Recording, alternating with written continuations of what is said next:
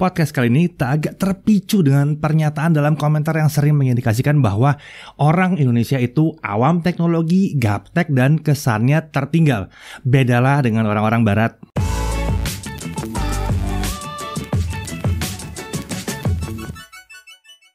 Jumpa lagi di podcast Tech Unsensor bersama saya, Deddy Irfan, Jagat Review. Ya, membahas soal teknologi itu sebenarnya eh, kita nih nggak perlu tertinggal. Orang Indonesia nggak perlu tertinggal. Kita ini bisa bersaing sama aja dengan bangsa yang lain. Masalahnya apakah mindset atau pola pikir kita mau diarahkan ke situ? Apakah kita mau mempelajari teknologi yang baru? Atau kita mau bilang bodoh amat lah ya. Ini yang jadi problem sebetulnya ya. Seandainya saja kita lebih terbuka dan lebih ingin mempelajari teknologi, mungkin komentar-komentar kita di mana pun itu tidak harus skeptis ya. Mungkin pembahasan-pembahasan kita itu bisa lebih ke arah yang positif. Uh, masalahnya sering sekali terjadi teknologi yang baru itu dihina dulu sebelum diterima. Ini yang membuat kita jadi tertinggal dalam mempelajarinya. Ya mungkin mau gaya bilang wah gua jago jadi gua tahu bahwa yang ini tuh eh, nggak uh, bagus gitu ya. Mau nunjukin uh, bahwa diri sendiri tuh hebat. Bisa jadi ya. Uh, tapi mari kita lihat dulu contoh-contohnya ya. Ini contoh yang nyata yang udah pernah terjadi. Kita belajar uh, mengenai apa yang pernah terjadi dulu. Tahun 2009 Jensen Huang Nvidia itu menyatakan kepada kami dalam sebuah pertemuan tertutup. Ya memang.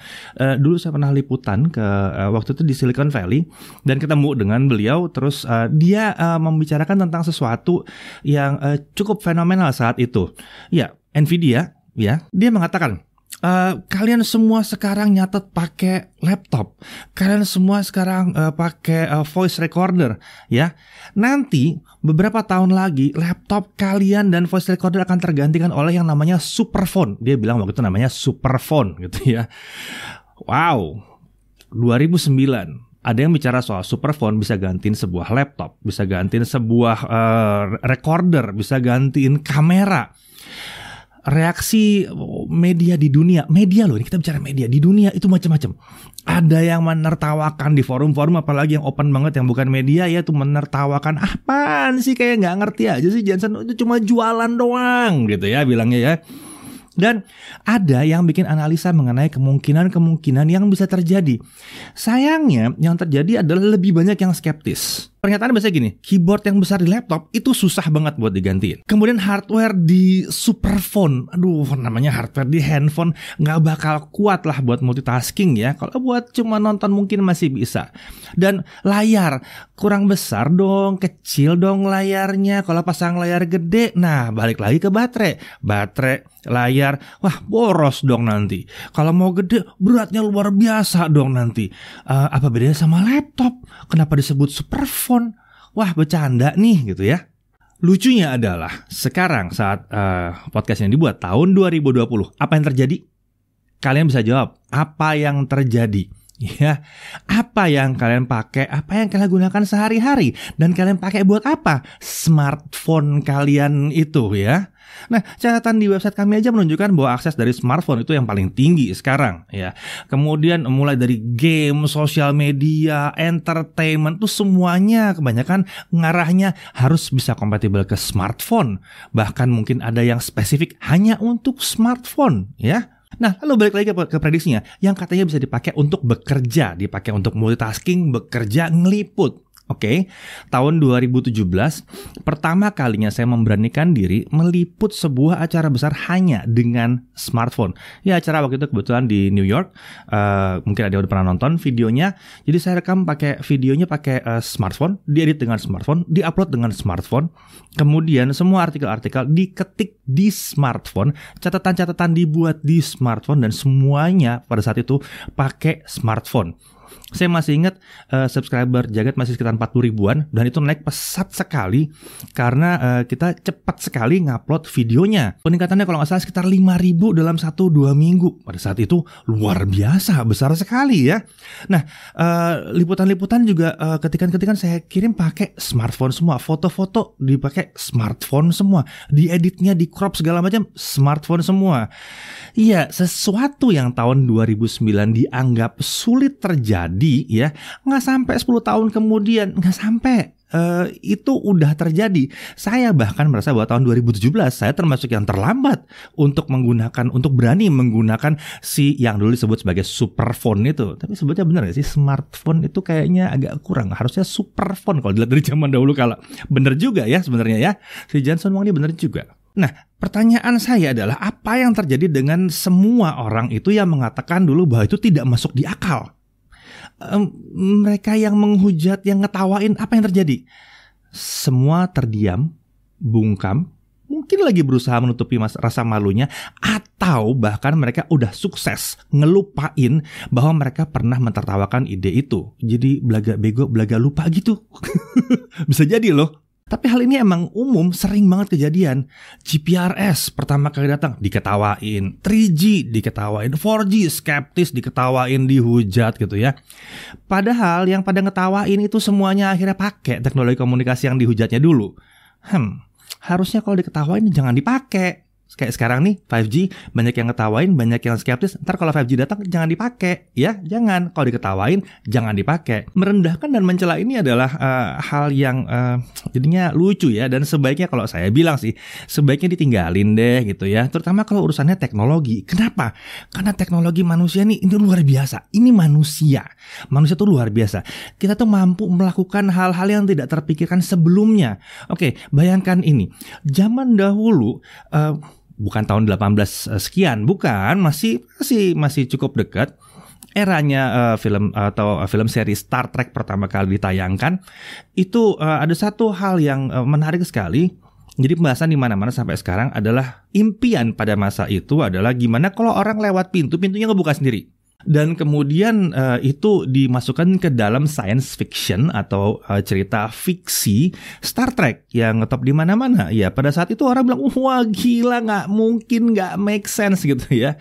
Hal yang menarik adalah orang-orang yang nonton Star Trek pada masa itu akhirnya merasakan bahwa pintu itu bisa ngebuka sendiri di mall jadi sebuah hal yang biasa banget gitu di mana-mana ada yang tadinya dimimpikan berubah jadi ada di mana-mana saya yakin ada banyak banget hal terkait teknologi yang terjadi seperti itu ya Misalnya lagi, siapa yang nyangka bahwa kita punya konektivitas internet seperti sekarang? Teleponan pakai internet, bisa ngobrol, lihat tatapan muka uh, pakai internet gitu ya. Jadi hati eh, hati-hati ya, banyak aja orang yang merasa takut pada perubahan.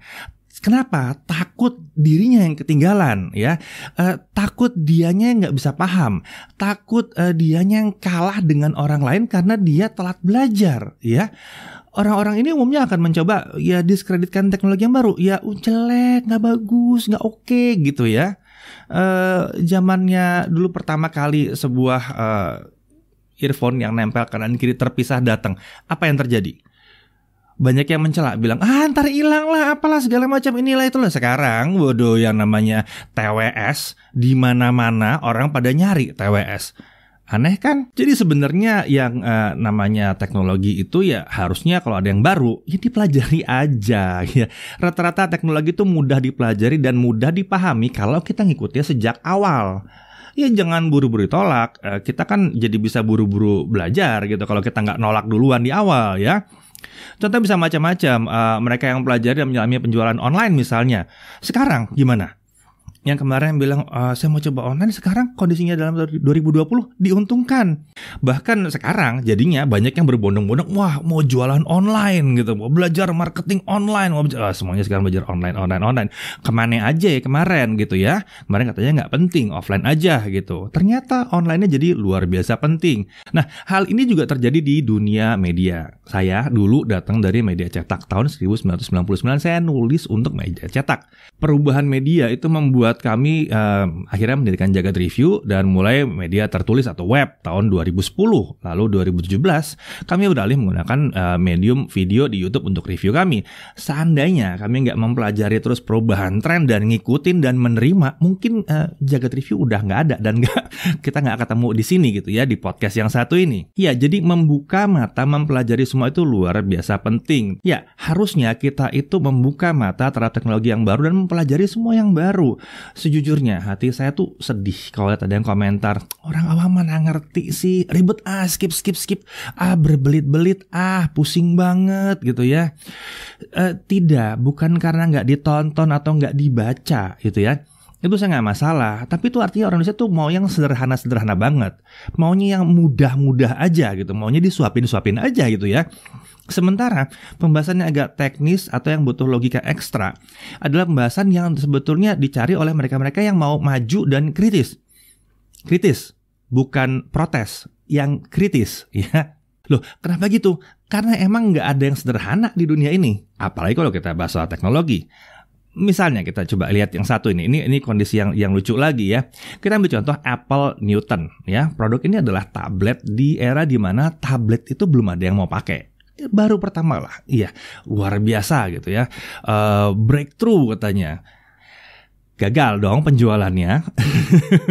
Benda ini dianggap gagal penjualannya. Nah, uh, kalau pemikirannya sederhana, tentunya hanya mau tahu ini gagal atau ini uh, sukses. Cuma gitu doang, sederhana banget ya. Tapi pemikiran yang maju akan bertanya, ini gagalnya kenapa? Dan dalam kondisi apa sebenarnya ini bisa sukses? Ya pemikiran ini yang akhirnya disimpan oleh Apple saat itu ya, karena waktu itu dilihat adalah masalahnya konten kurang menarik pada saat itu ya. Masih belum cukup banyak kontennya.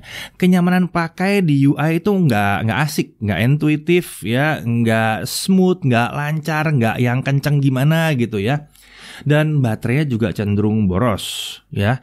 Um, ya terus buat apa? Beli gitu kan jadinya kan pada saat itu ya.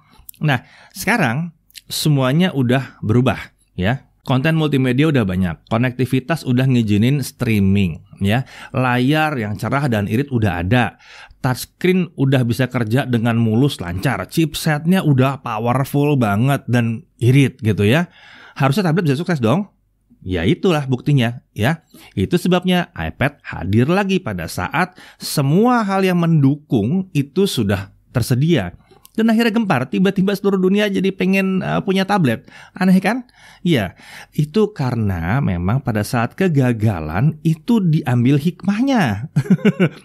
di diperhatikan pola pikir positifnya ya. Kegagalan dipakai untuk pelajaran tidak untuk menghujat idenya karena ide dasarnya sudah benar, mungkin timingnya yang salah. Sesuatu yang belum sukses dulu bukan berarti tidak akan bisa sukses. Kadang itu hanya menunggu sarana pendukungnya berkembang. Ya, seperti tablet tadi ya. Oke, kembali ke smartphone. Dulu kamera pada handphone itu adalah bahan tertawaan. Asal ada aja lah gitu ya. Acuannya zaman dulu tuh kalau mau beli produk sesuai kebutuhan. Mau dipakai ngetik sama browsing, beli laptop atau beli desktop, beli komputer lah ya. Mau foto, beli kamera foto. Mau video, beli kamera video. Mau rekam suara, beli perekam suara. Mau dengerin musik, beli musik player. Mau nonton ke bioskop atau beli TV ya. Mau nelpon dan SMS, beli handphone. Yang lucu, sekarang nyari semuanya bisa dikerjakan dari smartphone. Ya enggak? Jadi yang dulu bahan tertawaan sekarang jadi kenyataan. Dan apa yang dikatakan si Johnson tadi di awal yang saya ceritain, jadi benar. Smartphone atau superphone jadi menguasai dunia, ya. Oh ya, mungkin kalian mungkin siap-siap mau ngomongin lagi, mau ngejulitin lagi. Iya, tadi kan saya bicara Johnson dari Nvidia. Ke mana mereka? Ya, katanya futuristik, katanya bisa lihat ke depan ya. Chipset HP mereka udah nggak laku, nggak ada yang pakai. Nah, mungkin banyak yang miss bahwa Jensen itu pernah uh, bilang sering perkembangan bersaing di SoC atau chipset untuk smartphone itu berat katanya. Lalu mereka bilang mereka akan konsentrasi ke hal lain yang tidak kalah penting. Ya, Nvidia itu akhirnya berkutat dengan AI atau artificial intelligence ya. GPU mereka dipakai untuk server AI. itu luar biasa, yang powerful. Bahkan mereka jadi salah satu yang terdepan untuk itu, ya. Um, bahkan untuk dunia otomotif, mereka juga sekarang terdepan untuk uh, otomasi mobil. Itu loh, yang mobil tanpa supir itu, ya. Kok bisa? Karena mereka mikirnya jauh ke depan, jauh lagi ke depan. Yang lain masih berantem jualan smartphone, mereka mikirin AI yang dipakai di semua smartphone. Oke, kalian jual smartphone-nya, server AI-nya beli sama saya gitu. Yang lain mikirin bikin chipset atau prosesor, mereka udah mikirin bagaimana mobil bisa jalan tanpa supir. Ya, bahkan mereka yang duluan kalau nggak salah nampilin di CS, mobilnya udah jalan muter-muter lapangan parkir waktu itu, ya. Jadi jangan pesimis kalau lihat perkembangan teknologi dan jangan terlalu cepat menghujat, ya. Ya, contoh yang lain yang mungkin kita harus perhatikan banget adalah VR dan AR, ya, virtual reality dan augmented reality. Keduanya tuh seakan bergerak cepat banget di awal, ya, tiba-tiba semua wow pakai VR gitu ya banyaklah yang bikin nih perangkat-perangkat VR itu dan sekarang mulai kelihatan agak aneh sih memang ya. Tapi menurut saya sih um, jangan dicuekin dulu walaupun sekarang kesannya itu lagi melambat sekali, lagi jarang kelihatan lagi, jarang dibahas soal VR dan AR lagi ya. Bisa jadi teknologi satu ini lagi nunggu, nunggu saat yang tepat, konektivitasnya yang tepat. Um, siapa tahu nanti jadi bisa ada yang ngevideoin dengan uh, kamera yang high resolution banget jalan-jalan ke belahan dunia lain secara live dengan konektivitas yang super tinggi dengan 5G kita bisa nonton live langsung di sini tanpa harus ke mana-mana. Dia bahkan mungkin juga bisa dipakai untuk nampilin detail-detail sebuah mesin saat uh, processing powernya udah meningkat. Jadi ya bisa lihat ya pakai VR gitu detail mesin seperti apa nanti montir mau ngebenerin tuh udah ada. Oh yang ini apa, yang ini apa, yang ini apa. Pada saat processing power udah naik itu akan bisa lebih gampang lagi. Lalu VR buat main game dari PC itu mungkin nanti akan lebih nyaman kak saat sudah wireless bukan kabel lagi. Ya sekarang udah ada yang pakai wireless tapi masih tetap uh, masih kurang pas lah, kurang kurang kurang kencang, kurang masih lagging ya, masih ada lagging ya. Ya jadi bentuk konektivitas wirelessnya itu harus tercapai dulu sepertinya. Dan mungkin juga teknologi displaynya akan bisa berubah, tapi ide dasarnya adalah dari VR dan AR. Jadi yang bisa mengikuti nantinya itu adalah yang udah ngikutin dari sekarang udah tahu perubahannya apa, udah tahu kebiasaan orang-orangnya apa, apa yang dibutuhkan, lalu tinggal dikembangkan disesuaikan dengan teknologi yang baru. Teknologi lain seperti misalnya eksternal GPU gitu ya. Mungkin sekarang ini belum cukup murah, belum cukup mulus implementasinya, belum banyak uh, perangkat yang pakai, tapi siapa tahu dalam beberapa tahun ke depan ada perubahan signifikan. Siapa tahu lebih murah, siapa tahu nanti uh, jadi lebih gampang untuk dibeli gitu ya. Jadi uh, bisa jadi ke depannya yang terjadi adalah sebuah laptop ya pasti ada temennya GPU eksternal karena mungkin aplikasi-aplikasinya juga semakin banyak pakai GPU juga yang lebih kencang. Kemudian teknologi smartwatch mungkin saat ini ya sebetulnya kalau saya lihat agak sedikit surut, surutnya gimana? Karena jadi agak kurang smart. Yang laku itu yang tidak segitu smartnya gitu. jadi kalau dulu smartwatch yang keluar awal-awal tuh smart banget banget gitu ya bisa diinstal bisa ngomong apalah segala macam sekarang yang itu agak kurang diminati karena baterai boros jadi smartphone yang agak kurang smart itu malah yang diminati karena pada akhirnya yang penting adalah baterai dulu. Tapi bukan berarti cita-cita awalnya tidak bisa dicapai. Dengan perkembangan chipset dan uh, layar display yang makin irit daya, itu bisa ya tercapai. Jadi bahkan mungkin dalam waktu dekat bisa bisa jadi. Jadi jangan cepat-cepat menghujat bilang bahwa pasti kurang oke okay, ya. Coba dipikirin dulu siapa tahu ada yang datang bagus. Jadi diikutin teknologinya. Ada yang baru lagi cek oke okay, sudah sudah sudah baik belum nih? Udah baik belum nih Oh belum, oke tunggu aja lagi tunggu aja nanti tunggu sampai membaik. Nah apakah Indonesia bisa ngikutin teknologi? Ya bisa, kita manusia sama dengan orang lain di penjuru dunia yang lain. Masalahnya pola pikir kita itu mau pesimis atau mau optimis. Ya, nggak ada yang mudah di dunia ini ya. Tahun 2000 awal saya jadi reviewer banyak yang nanya masa depannya reviewer tuh apa? Tahun 2020 loh kok banyak yang berlomba jadi reviewer sekarang? Lucu gak? Ya, tahun 2005 media uh, online Indonesia tuh dipertanyakan bisa hidup terus nggak ya?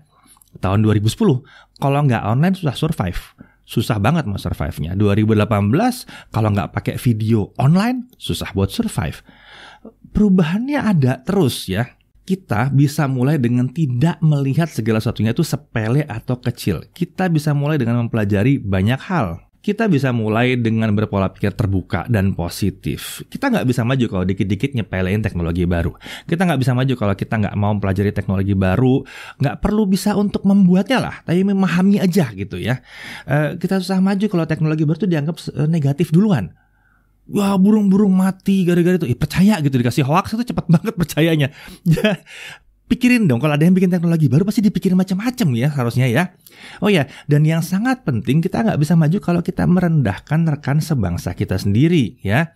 Jangan sampai brand lokal berusaha bikin apa dijelek-jelekin gitu ya. Ya jangan gitu, itu usaha upaya rekan sebangsa kita. Dibantulah, didorong, setidaknya ya jangan dijatuhkan. Eh, kita tuh dulu bahkan sudah punya astronot yang harusnya udah sampai keluar angkasa kalau bukan karena tragedi pesawat ulang-alik yang dulu itu, jadi misinya dibatalkan ya. Kita bahkan punya ilmuwan yang punya andil besar dalam pengembangan teknologi selular, ya. Kita punya banyaklah orang pintar dan cerdas yang diakui dunia. Jangan direndahkanlah kemampuannya orang Indonesia ini. Jadi, kita harus selalu berpola pikir terbuka. Jangan mudah pesimis. Hadapi teknologi baru dengan positif. Selalu pelajari hal baru karena kita orang Indonesia harus bisa paham juga sama dengan orang-orang barat itu ya dan selalu berupaya menularkan hal positif ke teman-teman kita. Mungkin kita tidak bisa jadi pendobrak kemajuan teknologi Indonesia, tapi paling enggak kita bukan jadi penghambat kemungkinan perkembangannya ya. Oke, tetap positif dan terus belajar. Saya Didi Irfan, jaga review.